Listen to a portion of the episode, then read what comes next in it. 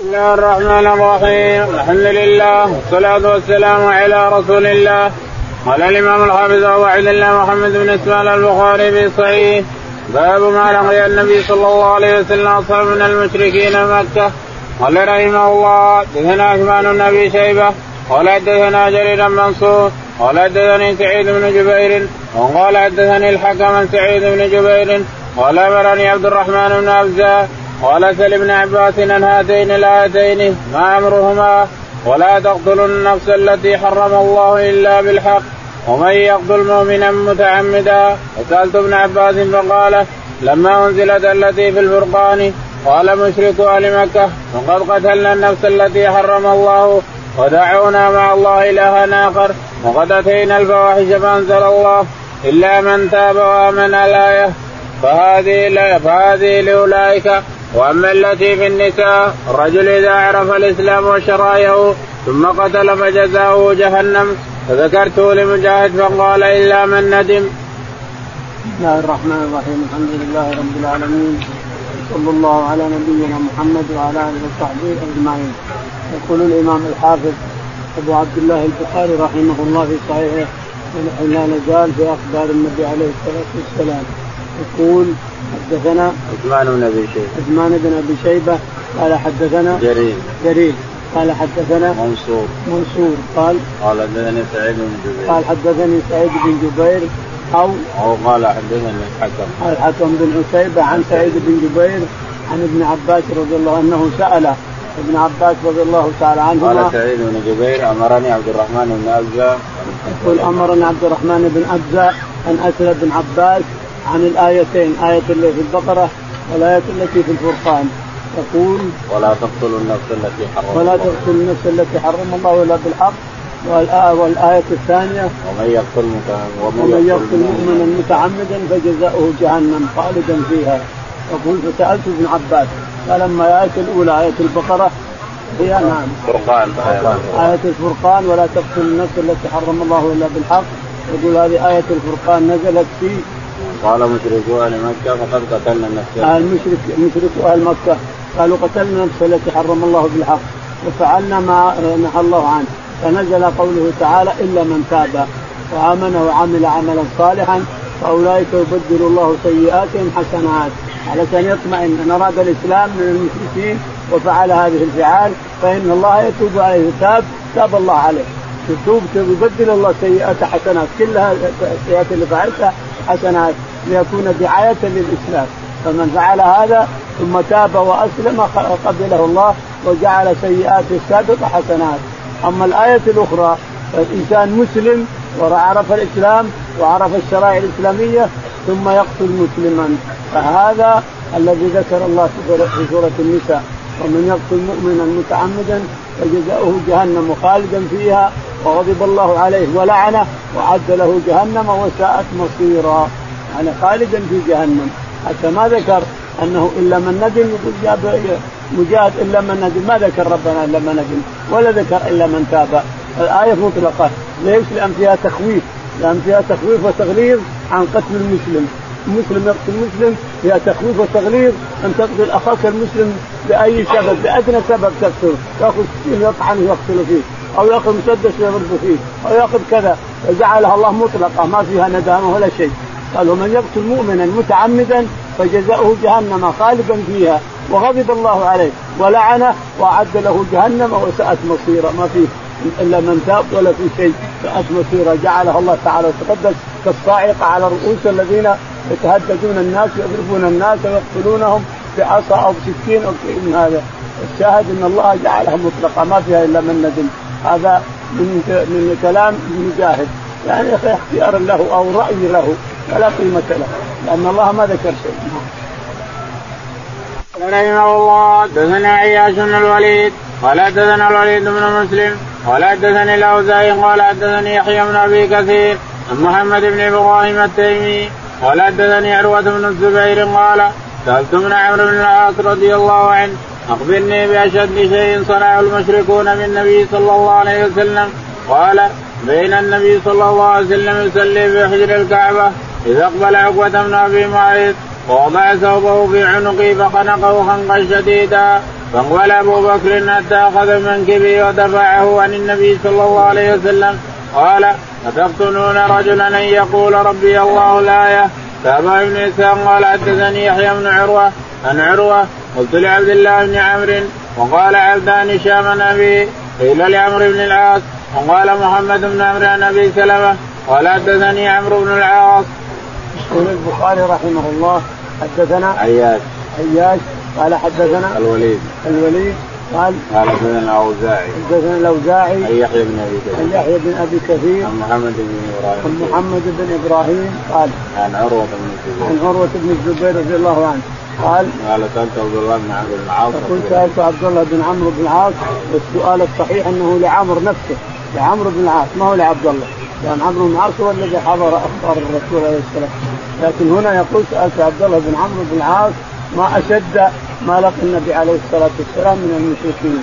فقال إن إنه أتاه عقبة بن أبي معيط هذا الذي وضع السلع على ظهره وعاقبه الله بعد سنتين اتي به مكتف الذي خنق الرسول والذي وضع السلع على ظهره به مكتف بعد سنتين أو أقل من سنتين.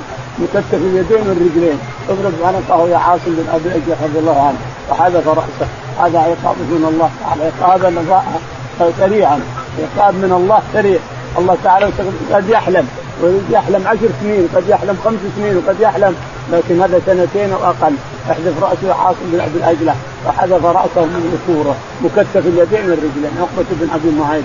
الذي خنق الرسول والذي وضع السلع على ظهره من بنت قريش كلهم. يجي يضع السلع. ويجي يخنق الرسول. فجاء أبو بكر الصديق رضي الله تعالى عنه ودفعه عنه وفكه منه إلى آخره. وقال لهم أتقتلون رجلا؟ أن يقول ربي الله هو مدفوع من قريش. لا شك أنهم عوج له. لكن هو الذي تولى. نعم.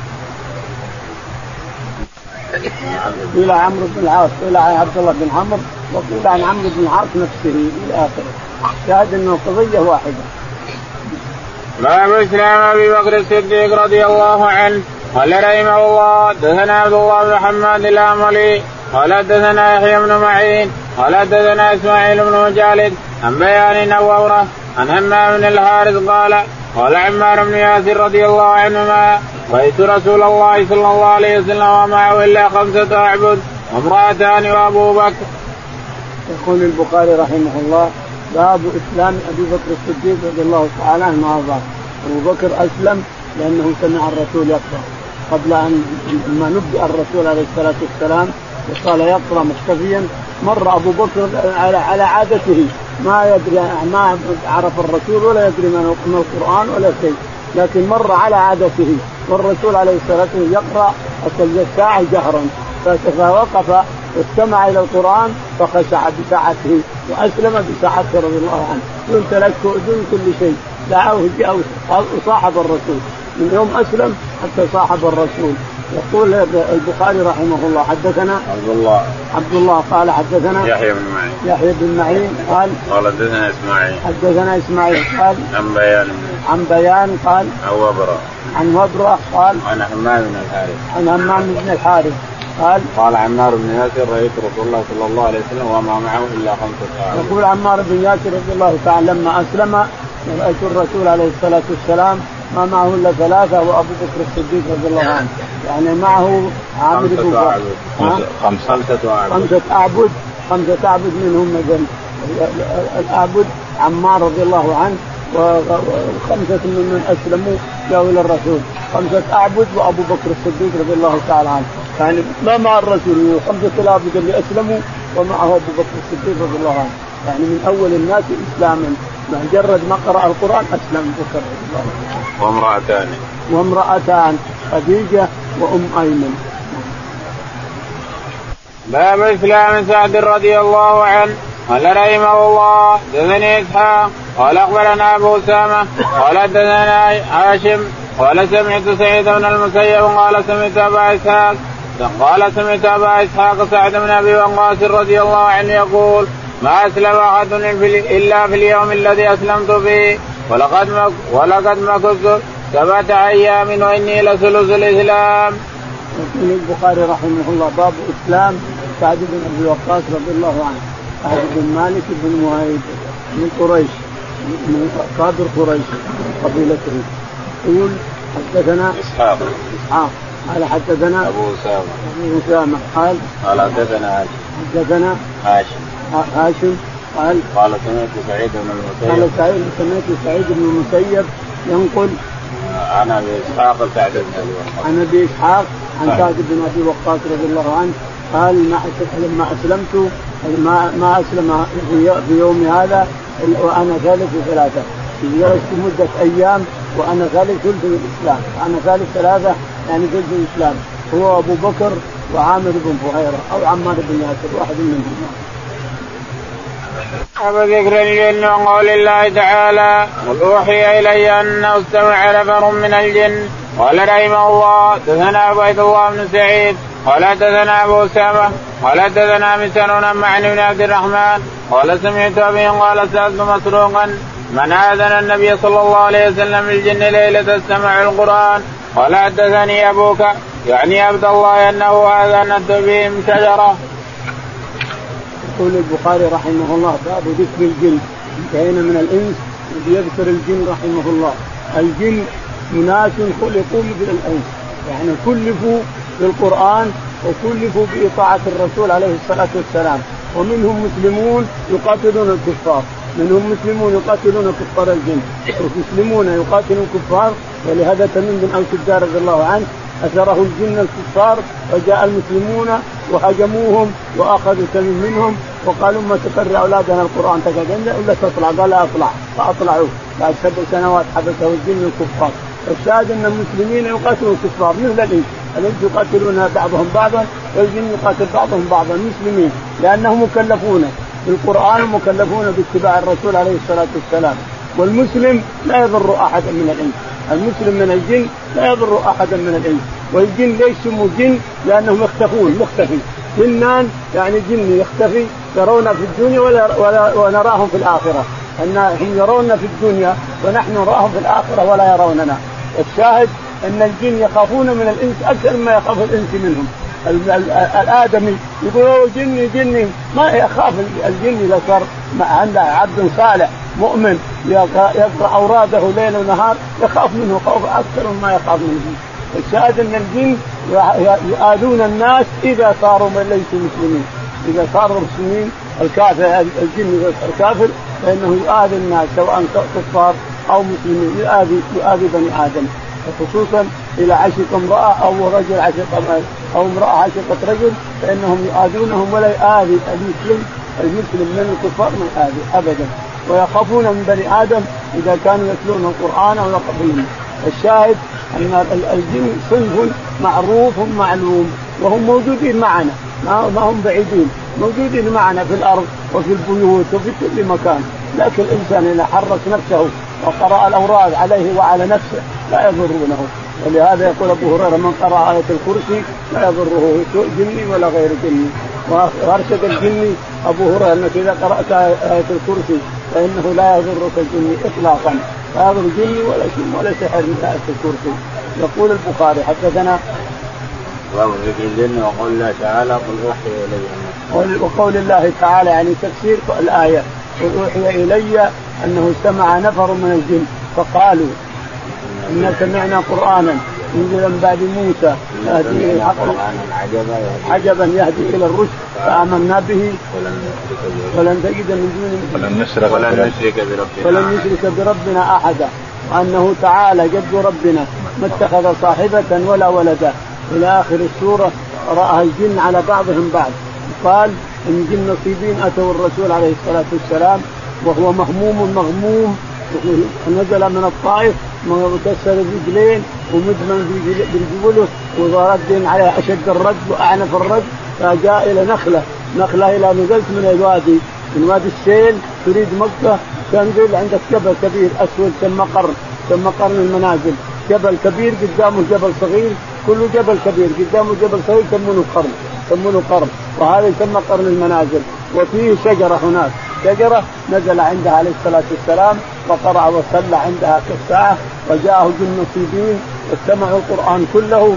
يا قومنا إنا سمعنا كتابا أنزلا بعد موسى إلى آخر ثلاث آيات ثلاث أو ست آيات من سورة الأحقاف. شاهد إن النبي عليه الصلاة والسلام من أخبره بأن الجن صلوا وراءه وأنه أخبرته الشجره الشجره اللي صلى جنبها أخبرته إن جن نصيبين عددهم كذا وكذا وأنهم سمعوا قرآنا كثرة وصلوا معك وذهبوا. هذا اذا خفف الله عن الرسول. كان مغموم كان مثقل. ألم نشرح لك صدرك؟ ووضعنا عنك وزرك الذي أنقذ ظهرك. راح الثقل وراح الغم والهم لما جرى أن الجن أسلموا وأن هناك ناس استمعوا قرآنه وأسلموا. ذهب جميع ما يجد في صدره. على أن ملك الملا ملك الجبال أتاه بعد ذلك وقال ربك أمرني أن أسمع ما أسمع ما تقول. مرني القف عليهم الاخشبان فقال لا نتركهم لله تعالى وتقدس لعل الله يخرج من اصلابهم من يعبد الله وحده لا شريك له. الشاهد أن الجن يحبون القرآن غالبهم يحبون المسلمون منهم يحبون القرآن. وأما الكافر فهو يجزع جزع شديد. إذا قرئ عليه القرآن يجزع جزع شديد. لا سيما إذا كان دخل في ادمي ثم قرأت القرآن يجزع جزع شديد.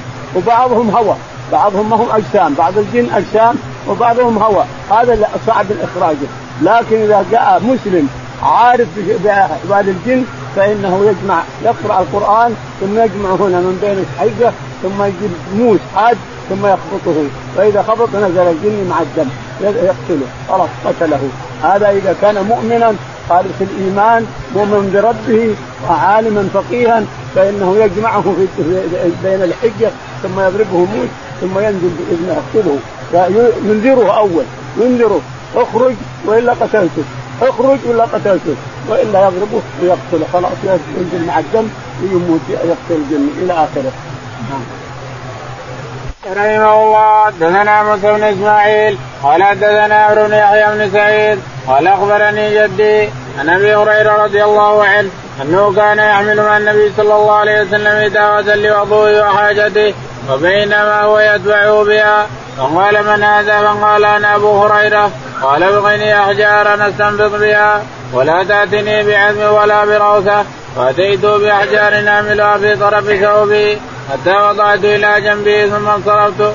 حتى إذا فرغ مشيت فقلت ما بال العزم والروثه قال ما من طعام الجن.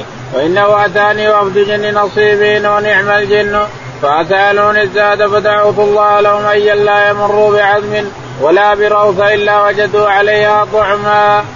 يقول البخاري رحمه الله حدثنا موسى. موسى قال حدثنا عمرو بن يحيى. عمرو بن يحيى قال حدثنا عن جده سعيد. عن جده سعيد قال عن أبي هريرة. عن أبي هريرة رضي الله تعالى عنه أن النبي عليه الصلاة والسلام خرج إلى الخلاء يقول أبو هريرة اتبعته فقال من هذا؟ قلت أبو هريرة.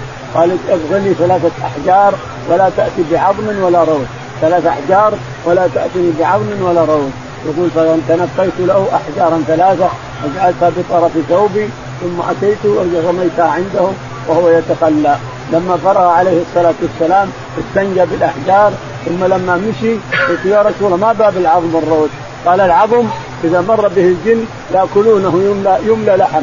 العظم يملى لحم للجن والروث يملى شجرة يملى طعام لدوابهم يملى علف لدوابهم فالعظم للجن والروث لدوابهم فلا يجوز الاستنجاء بالعظم ولا بالروث لأن هذا عظم لهم وهذا لدوابهم يأكله دوابهم إلى آخره. يقول نعم. ثم قال إن الجن نصيبين اتوني هذه جية ثانية. النصيبين لما سمعوا الكلام في نخله إذا سمعوا القرآن واستمعوا السورة كاملة ذهبوا إلى البلد إلى بلادهم هناك بنصيبين في العراق في آخر العراق نصيبين. وقرأوا القرآن جاء أمم كثيرة إلى الرسول واجتمع بهم عليه الصلاة والسلام وخرج مع ابن مسعود وخط عليه خطة قال لا تعدى الخطة. سمعت سمعت لغط حتى خفت عليك يا رسول الله. قال لا هذول جن نصيبين أتوني مرة ثانية بكامل بكثير من بلادهم اللي أسلموا. ثم ان قرأوا القرآن وأخذوا سلف ثم بعد ذلك خرج الرسول عليه الصلاة والسلام على ابن مسعود وهو خارج القصة نعم. قال أتاني وقت جن نصيبين ونعم الجن فسالوني الزاد فدعوت الله له الا أيوة، كان يقول في هذه الجية. لما جو من بلادهم من هناك الأولى الأولى ما درى عنهم شجرة خبرتهم لكن الثانية لما وصلوا بلادهم أتوا بمجموعة كثيرة ثم اجتمع بهم كما قلت وخط خطة على على ابن مسعود خرج معه. خط خطة ثم قال له لا لا تدخلوا خطه خليك برا.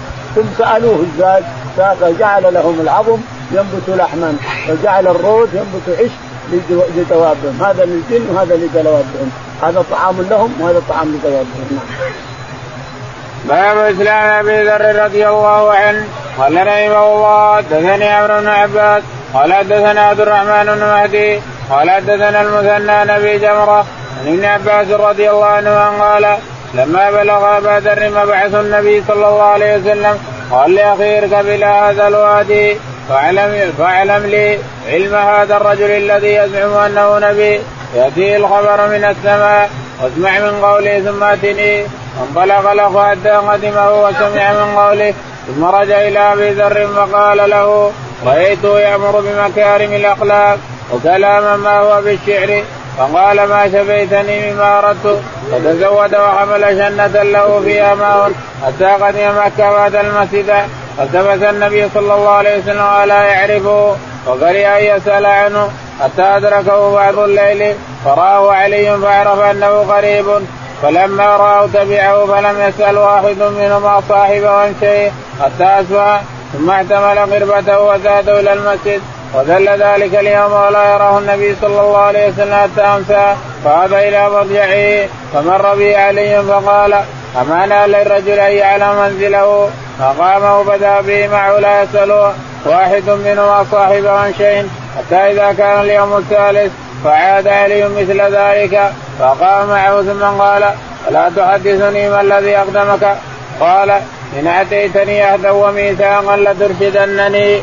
فعلت ففعل فأخبره فقال فإنه حق وهو رسول الله صلى الله عليه وسلم. فإذا أصبحت فاتبعني فإني رأيت شيئا أخاف عليه قمت. كأني أريق الماء فإن مضيت فأتبعني حتى تدخل مدخلي ففعل فانطلق يقول حتى دخل على النبي صلى الله عليه وسلم ودخل معه فسمع من قوله وأسلم مكانه.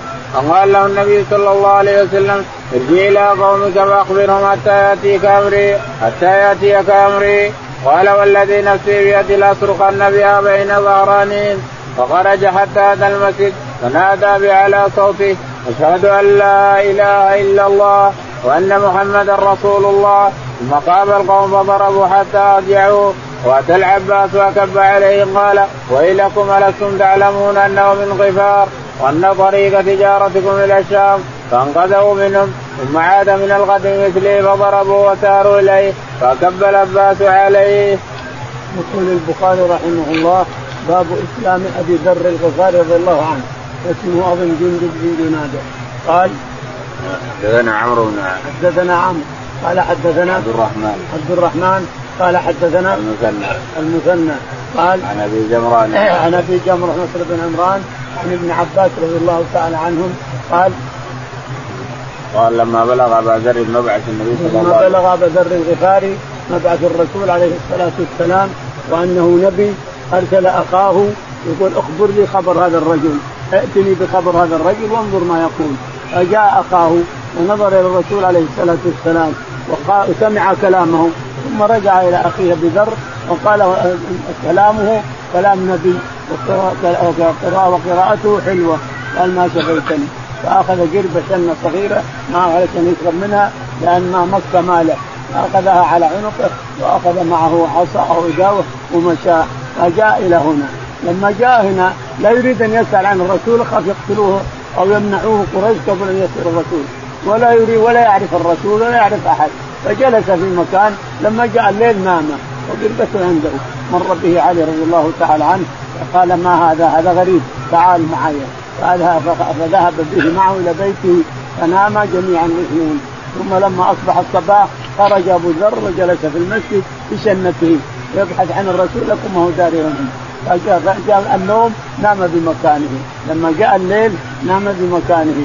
فأتاه علي كذلك في الليلة قال مع أنا الرجل يعرف مبيته ثم أخذه معه فبات عنده. الليلة الثالثة كلها ليلتين ما حد يكلم أحد. الليلة الثالثة قال علي ما شأنك أنت؟ أنت غريب ما شأنك؟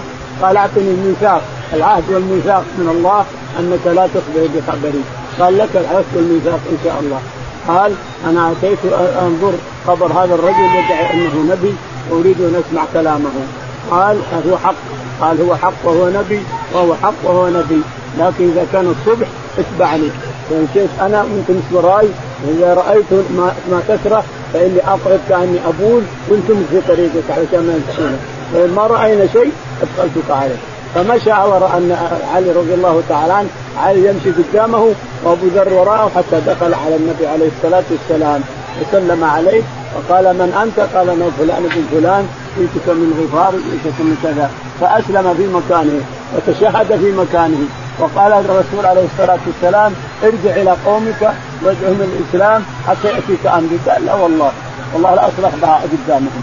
وخرج وصرخ بهم.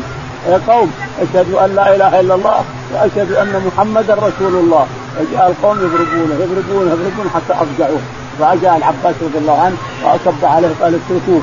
تعلمون أنه من غفار وأن طريقكم على الشام مع على غفار على الساحل. كل غفار كله على الساحل. يمنعونكم من التجارة. لما جاء الغد فعل مثلها إلى آخره.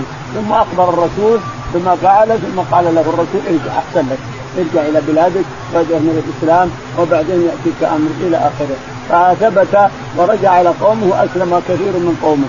والغالب قومه أسلموا. وجاءوا عليه الصلاة والسلام بعدما انتشر أمره عليه الصلاة والسلام. باب إسلام سعيد بن زيد رضي الله عنه. قال رحمه الله دثنا قتيبة بن سعيد. قال دثنا سفيان إسماعيل عن قيس. قال سمعت سعيد بن زيد بن عمرو بن نفيل رضي الله عنه في مسجد الكوفة يقول والله لقد رأيتني وإن عمر لموثقي على الإسلام قبل أن يسلم عمر ولو أن أحدا ارفض للذي ولو أن أحدا ارفض للذي صنعتم بعثمان لكان. يقول البخاري رحمه الله باب اسلام سعيد بن زيد بن عمرو بن نفير رضي الله عنه أحد العشرة المشهود لهم بالجنة يقول البخاري رحمه الله حدثنا قتيبة. قتيبة قال حدثنا سفيان. قال عن إسماعيل. عن إسماعيل عن قيس. قال قال سمعت زيد بن عمرو بن نفيل سمعت زيد بن عمرو بن نفيل سعيد بن عمرو بن نفيل بالكوفة يقول يعني لما أسلم الناس وتولى عمر الخلافة وانتقل الناس إلى إلى الكوفة والبصرة لأن الكوفة والبصرة ما كانوا موجودين. إنما عمر هو اللي أمر لما صار خليفة رضي الله عنه أمر سعد بن ابي وقاص أن يبني له مدينتين قريبة من بعضهم. اسمها البصرة واسمها الكوفة ليطلب إلى الجيوش المدد. كل أراد الجيوش اللي في فارس أو في الروم يريدون مدد يمدهم من القريتين هذه. يجي جيوش من اليمن يجي جيوش من هنا يجي جيوش من هنا باموالهم يبعثهم عمر رضي الله عنه إلى الجيوش التي تقاتل في فارس أو تقاتل في الشام. الشاهد انه أن سعيد قال وهو بالكوفه يخطب قال لقد رأيتني وإن عمر ليكتفني ويضربني. نعم عمر كان يدخل عليه وسعيد بن زيد زوج أخت عمر. زوج أخت عمر ثم يدخل عليهم عمر ويضرب أخته مع وجهها ومعهم قرآن يقرؤونه. فقال اعطوا قالوا لا أنا كنت كافر. فضرب أخته حتى أدماها. فندم بعد ذلك لما خرج ندم ثم رجع إليهم قال أنا أريد أن أدخل بما تفعل. فأدله سعيد قال اغتسل ثم تشاهد شهادة الحق. فاغتسل عمر رضي الله عنه وتشهد شهادة ما تشهد حتى أتى الرسول. لما أتى قال أين أجد مع الرسول؟ فقال له سعيد في دار الأرقم بن أبي تحت الصفا.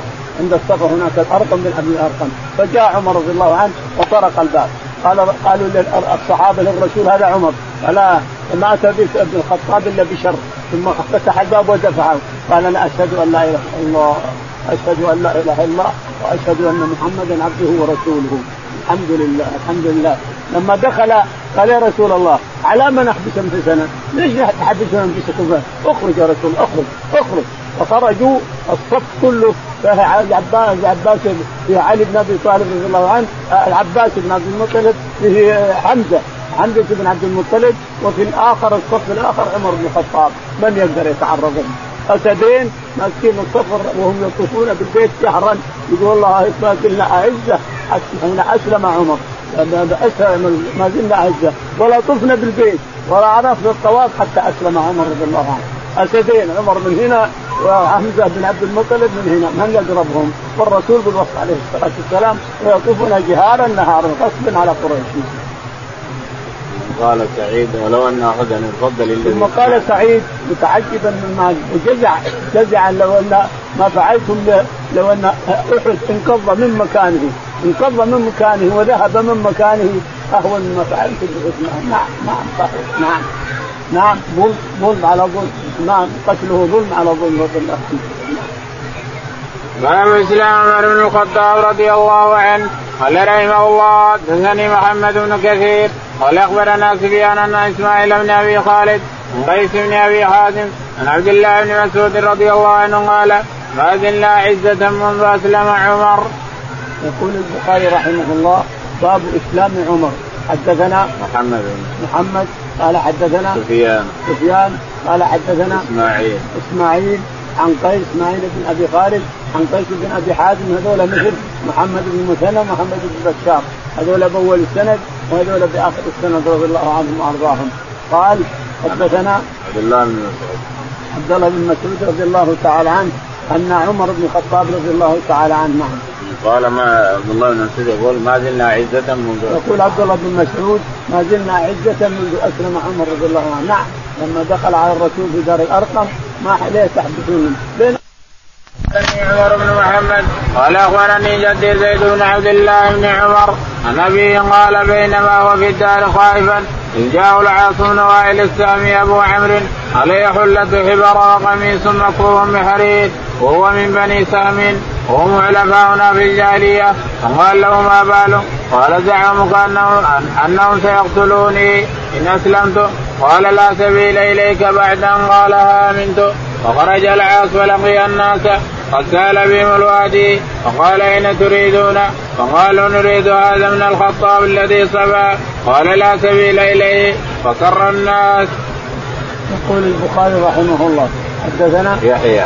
يحيى قال حدثنا ابن وهب عبد الله بن وهب قال حدثنا عمر بن محمد. عمرو بن محمد قال عن جدي زيد بن عبد الله. جدها زيد بن عبد الله قال عن أبيه عبد الله بن عمر. عن عبد الله عبد الله بن عمر قال قال بينما هو في الدار قائما إذ جاءه العاص يقول بينما عمر بن الخطاب قائما في الدار خائف من المشركين مجتمعين على بابه يقتلونه جاءه العاص بن وائل السامي وهو رئيس قريش. لابس ثيابا حبرة وقميصا حبرة ولابس تبختر قال ما باله خطاب قال يريد قومك أن يقتلوني. قال اذهب فلا سبيل الي فخرج عليهم وهم مثل يقتلون مثل الوادي يبون يقتلون عمر.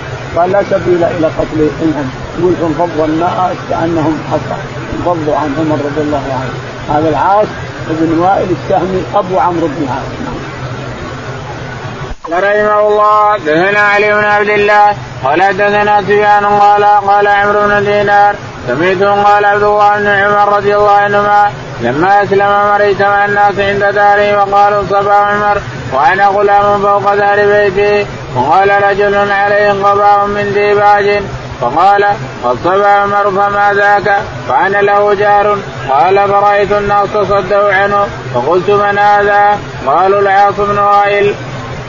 يقول البخاري رحمه الله حدثنا علي علي قال حدثنا سفيان. سفيان قال حدثنا عمرو بن دينار. عمرو بن دينار. عن عبد الله بن عمر. عن عبد الله بن عمر رضي الله تعالى عنه قال لما أسلم عمر لما أسلم عمر جلس في بيته خائفا من المشركين يقول فرأيت شخص رجلا عليه قبعا من الحرير وجبة من حرير رداء من حرير يتبختر في مسجده يقول وأنا فوق السطح. عبد الله بن عمر صغير جالس فوق السطح يراه. يقول فقال لعمر لماذا تجلسون؟ قال زعم قريش من قاتلون قال لا لا سبيل لأحد. خرج عليهم يقول عند داره عند باب المجتمعون. قال لا سبيل إلى قتله يا جماعة. فخرج انفضوا يقول الله أنهم انفضوا كأنهم جراد انفضوا عن باب عمر لما قال الكلمة. فسالت قالوا هذا العاص بن وائل السامي أبو عمرو بن العاص رضي الله عنه. رحمه الله. دثنا يحيى بن سليمان. قال حدثني ابن وهب قال حدثني عمر ان سالما حدثه عن عبد الله بن عمر رضي الله عنه قال ما سمعت من لشيء قد يقول إني لا أظنه كذا إلا كان كما يظن. بينما عمر جالس. إذ مر به رجل جميل فقال لقد أخطأ ظني. وإن هذا على ديني بالجاهلية. أو لقد كان كائنا علي الرجل. فدعي له فقال له ذلك فقال ما رأيتك اليوم استقبل به رجل مسلم؟ قال فإني أعزم عليك إلا ما أخبرتني. قال كنت كاهنا بالجاهليه قال فما اعجب ما جاء. قال فما أعجب ما جاءتك به جن جنيتك قال بينما أنا يوما في السوق جاءتني أعرف بها الفزع. فقالت ألم ترى الجن وإسلامها وبأسها من بعد إنكاسها ولحوقها بالغلاص وأحلاسها. قال عمر صدق بينما أنا عند آلهتهم جاء رجل بعجل فذبه فصرخ بإصار كلما اسمع صارخا قد أشد صوتا من يقول يا جليه عمرو النجيه رجل فصيح يقول لا إله إلا الله أنت. فوثب القوم قلت لا أبرأ حتى أعلم ما وراء هذا. ثم نادى يا جليه عمرو النجيح رجل بسيط يقول لا إله إلا الله. فقلت فما نشبنا أن قيل هذا نبي. البخاري رحمه الله حدثنا يحيى. يحيى قال حدثنا ابن وهب. ابن وهب. قال حدثنا عمر. عمر قال عن سالم. عن سالم عن عبد الله عن عبد الله بن عمر رضي الله تعالى عنه إن عمر بن الخطاب في خلافته مر به رجل. يقول إن عمر ما كان يظن ظنا إلا وقع الظن كما كان بإذن الله. عمر ملهم ما كان يظن ظنا إلا وقع الظن كما كان. فلما فمر به رجل فقال هذا ثم إنه على دينه في الجاهلية وإلا إن له شأن عظيم. يدين به. وكان سواد بن طارق رضي الله عنه. سواد بن طارق له جنية يتبعها وتخبره بجميع ما يحدث. كانوا يسترقون السمع من السماوات حتى بعث الرسول عليه الصلاة والسلام فمنع منعوا وصار كل من تصرف أو هرب ياتيه شهاب يقتله. أما يقتل القبيلة باسرها أو يقتل الفرد الذي أخذ السمع من السماء. الشاهد يقول لو أن عمر رضي الله عنه كان جالسا في خلافته فقال هذا الرجل أما على دينه وإلا فهو كاهن قومه فأتوني به فجاءوا به إلى عمر بن الخطاب فقال أنت اما على دين قومك وإلا إنك معك رئي الرئي الجني المشركون كان كل شخص يتكهن يصير معه جنية تخبره بكذا وكذا. فقال أما أنك على دينك كافر أو إن على معك رئي جني. قال ما استقبلت أنا مسلم وما استقبلت بهذا الكلام منذ اليوم. يعني جزع جزع شديد ليش تقول لي هالكلام وأنا أسلمت تركت الأمور هذه كلها قال أنا كنا على جاهليه أعظم منك. كنا كفار أعظم مما أنت عليه. أنت معشري وأنا كنت كافر. أعبد الأصنام. ولا يضرنا هذا. ما يضرك ما فعلت اولا. فقال لكن أخبرني بما كنت. قال كنت أنا أنظر أتبع الجنية وتتبعني وتجري وأقضي لزومها. سمعت جاءت صارخة. تصرخ بكل يقول ما هذا ما هذا قال خرج خرج يقول ألم ترى الجنة ألم ترى الجنة وأحلاسها؟ ويأتها من بعد ويأتها من بعد إرجاسها. طويلة القصيدة طويلة في مختصر بن هشام طويلة القصيدة حق السواد بن خالد رضي الله عنه. جاتي تصيح وتقول ألم ترى الجنة بأحلاسها بأرجاسها. خرج مدري إلى آخره. طويلة القصيدة في مختصر بن هشام رضي الله عنه. الشاهد أنه قال له عمر ما قال كنا كذا وكنا كذا. لما بعث الرسول صاحت يقول صاحت سياح فزع كل كاهن تركه جنية. كل كاهن ترك تركته جنيته لما خرج الرسول لما بعث الرسول عليه السلام. لأنهم كانوا يرجمون من السماء. يقول الكواكب تقلبت والأشياء تقلبت والنيران طفأت ونيران فارس انطفأت كلها اللي كانوا يوقدونها قالوا ما هناك إلا حدث عظيم حصل في الأرض. كان الرسول عليه الصلاة والسلام وكانت تتحدث الجن يا نجيح يا جريح يا جريح يا جريح. يقول كنت مع الناس وسمعت شخصا يقول يا جريح يا جريح يا نجيح قد جاء جاء الكتاب الفصيح رسول يتلو كتاب الله إلى آخره. يا جليح أمر النجيح أمر النجيح رجل فصيح يقول لا إله إلا رجل فصيح يقول لا إله إلا الله. كل كاهن تركته جنيته خلاص لأنه بعث الرسول عليه الصلاة والسلام ففزع الجن فزعا شديدا الكفار منهم. ثم أسلم ناس منهم أسلم أمم من الجن رضي الله عنهم. الشاهد يا نجيح نجيح أمر صحيح. يتلو كتاب الله يقول لا إله إلا الله. قال فما نشبنا أن قيل هذا نبي. يقول فما نشبنا يعني ما بقي إلا قليل ما بقى قليل بس قالوا هذا نبي. محمد رسول الله نبي الله عليه الصلاة والسلام. وعرفنا لماذا منعت الجن والشياطين من السماء ولماذا صارت الشوك. ترميهم من بعد. كان أول يقربون الحين من ترميهم ولماذا صار كذا؟ ولماذا تقلبت نيران فارس وغيرها من المشركين إلى آخره؟ فارس أرسلوا رسل وروم أرسلوا رسل للحجاز ترون من ما الذي حدث لأن نيرانهم اللي يوقدون انطفأت والكواكب اللي يفعلون يوقدون فعلوا فيه فجاءت الرسل كانه بعث نبي. آه النبي عندهم ذكره في التوراة.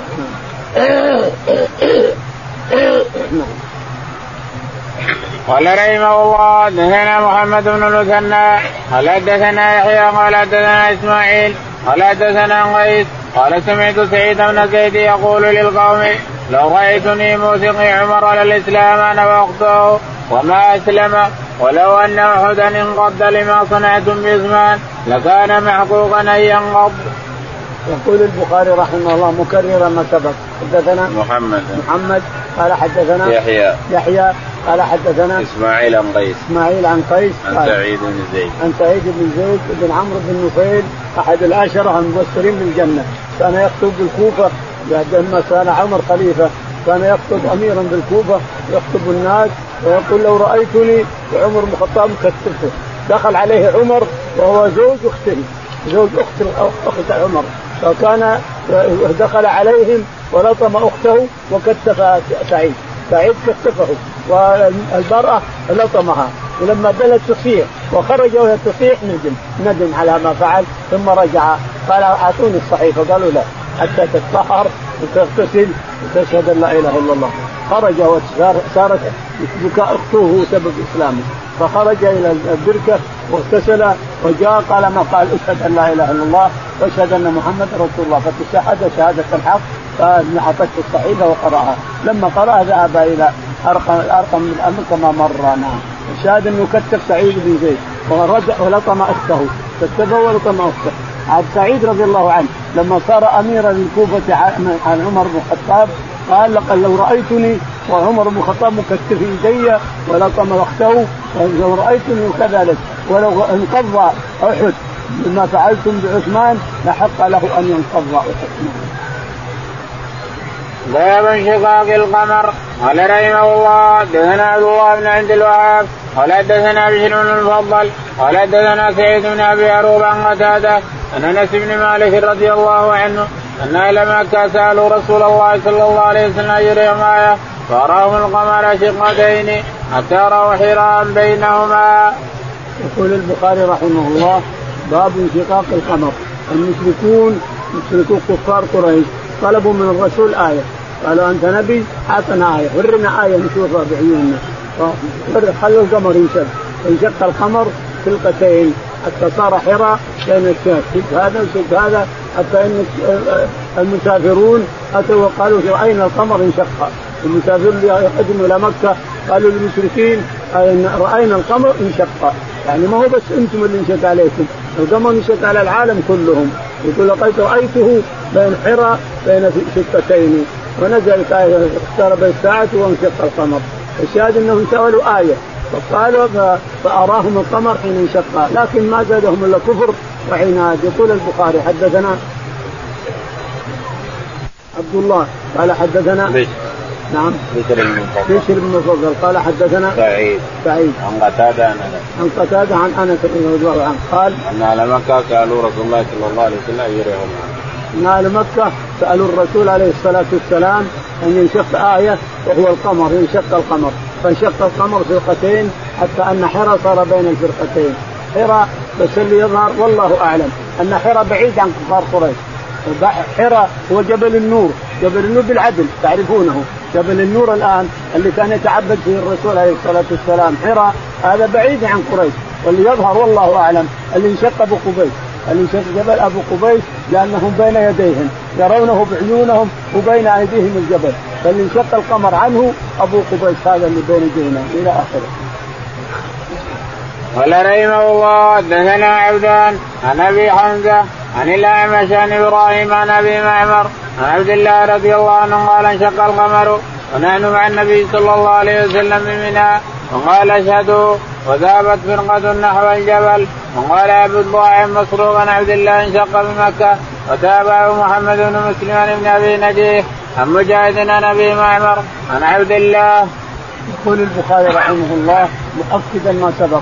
حدثنا عبدان. عبدان قال حدثنا أبو حمزة. أبو حمزة قال حدثنا الاعمش الاعمش قال قال عن إبراهيم عن أبي معمر. عن إبراهيم عن أبي معمر. عن عبد الله. عن عبد الله بن مسعود.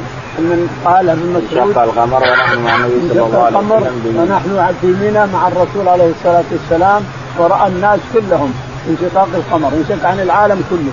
القمر انشق فرقتين عن العالم كله حتى إن المسافرين قالوا انشق القمر ولم يدروا لماذا إلى آخره. وقال أبو الضحى عن مسروق ثم تابع حديث آخر قال وقال أبو الضحى عن مسروق عن عبد الله عن عبد الله بن مسعود رضي الله عنه بمثله نعم. قال رحمه الله دثنا عثمان بن صالح قال حدثنا بكر بن مضر قال حدثني جعفر بن ربيعة عن راكب بن مالك عن عبيد الله بن عبد الله بن عتبة بن مسعود عن عبد الله بن عباس رضي الله عنهما قال إن القمر انشق على زمان رسول الله صلى الله عليه وسلم. يقول البخاري رحمه الله حدثنا عثمان. عثمان قال حدثنا بكر بن مضر بكر بن مضر قال قال حدثنا جعفر. جعفر قال حدثنا عراق عراق قال عن عبيد الله بن عتبة. عن عبيد الله بن مسعود قال عن ابن عباس. عن ابن عباس رضي الله عنهما قال أن القمر انشق على زمان النبي صلى الله عليه وسلم. القمر انشق على زمن الرسول عليه الصلاة والسلام بطلب من قريش بطلب من قريش انشق القمر.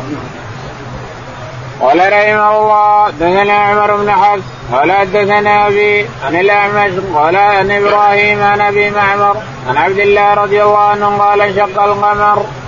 يقول البخاري حدثنا عمر بن حفص. عمر قال حدثنا عن أبي حفص. عن أبي حفص قال قال عن الأعمش عن عن إبراهيم الأعمش عن إبراهيم عن عن أبي معمر. عن أبي معمر عن ابن مسعود رضي الله عنه أن القمر انشق على عهد الرسول ورأته قريش عيانا ولكنهم قالوا سحر مستمر. قالوا هذا سحر. سحر القمر سحره محمد. كيف ينول محمد القمر؟ وهو في السماء ويسحره كيف يصير هذا؟ يسحر اللي بين يديكم في الأرض يمكن لكن في السماء يتناول محمد يسحره انظر نعوذ بالله من الكفار اقتربت الساعة وانشق القمر. ولو آية يعرض ويقول سحر مستمر. وكذبوا واتبعوا وهم كل شيء مستقر. ولقد جاءهم من الأنباء ما فيه مزدجر. حكمة بالغة فما تغني النذر، النذر ما تغني. الشاهد يقولون سحر، هذا سحر محمد، شق القمر. محمد زر. محمد يطلع إلى السماء يشق القمر. والعقول نعوذ بالله، الكفار ما يفهمون بشيء. نعم.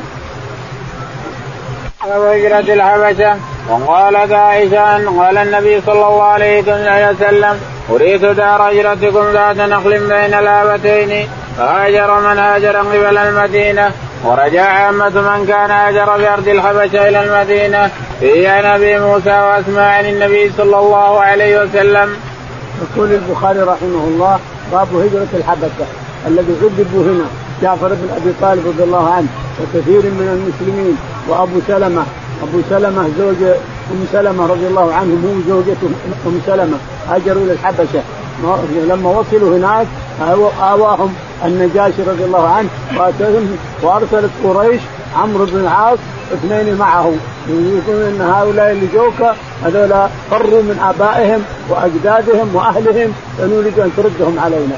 فلما وصلوا إليه وكلمهم عمرو بن العاص هو الرئيس قال لازم أسمع كلامهم. قالوا لا أنا أبصر بهم. قال ما يمكن. ناس قال اختاروا اختاروا أرضي واختاروا جواري. أعطيك لي وبس لازم أسمع كلامهم. جاءوا طلبهم النجاشي وكله قال جعفر رضي الله عنه الذي معه قالوا لي أنا المتكلم. فلما وصلوا إليه سألهم قالوا يا يا أيها الملك إننا كنا في جاهلية جهلة. نائد البنات ونعبد الأصنام ونفعل كذا ونفعل كذا ونفعل كذا. وجاء الله لنا برجل نعرف نسبه واصله ونسبه. فدعانا إلى الإسلام وأمرنا بالامر بالمعروف والنهي عن المنكر وفعلوا كذا وكذا وكذا وكذا إلى آخره. قال اذهبوا فأنتم سيوم. اذهبوا فأنتم سيوم ولا أعطيكم إياهم. جابوا هدايا للنجاشي وجابوا البطارقه وقال بطارقته أعطهم إياهم أهلهم ابخس منهم. وعرف قال لا ما أعطيهم. ناس طلبوا أرض صاروا أرض يعطيهم إياهم لا يمكن. فقال بعض حلفاء بعض من مع عمرو بن العاص اذكر إنهم يقولون عيسى إنه خلق من تراب مثل آدم مع إنه ابن الله. الملك النجاشي وقومه يقولون عيسى ابن الله فقل له هذا العدد أنه يصرف عنهم فقال عمرو بن العاص أيها الملك إن هؤلاء يقولون عيسى ابن الله. عيسى ابن يقولون قول في عيسى ما قد لا ترضاه فاستلحقهم مرة ثانية. وقال ما تقولون في عيسى يا جعفر؟ قال ما نقول لك كما قال ربنا. إنما مثل عيسى عند الله كمثل آدم خلقه من تراب ثم قال له كن فيكون. يعني ما هو ولد الله. فقال والله ما زدت على مع عيسى مثل عود فاذهبوا أنتم اذهبوا وردهم خاسئين. الله اللهم اهدنا فيمن هديت وعافنا فيمن عافيت تولنا فيمن توليت. اللهم توفنا مسلمين. والحقنا بالصالحين يا رب العالمين.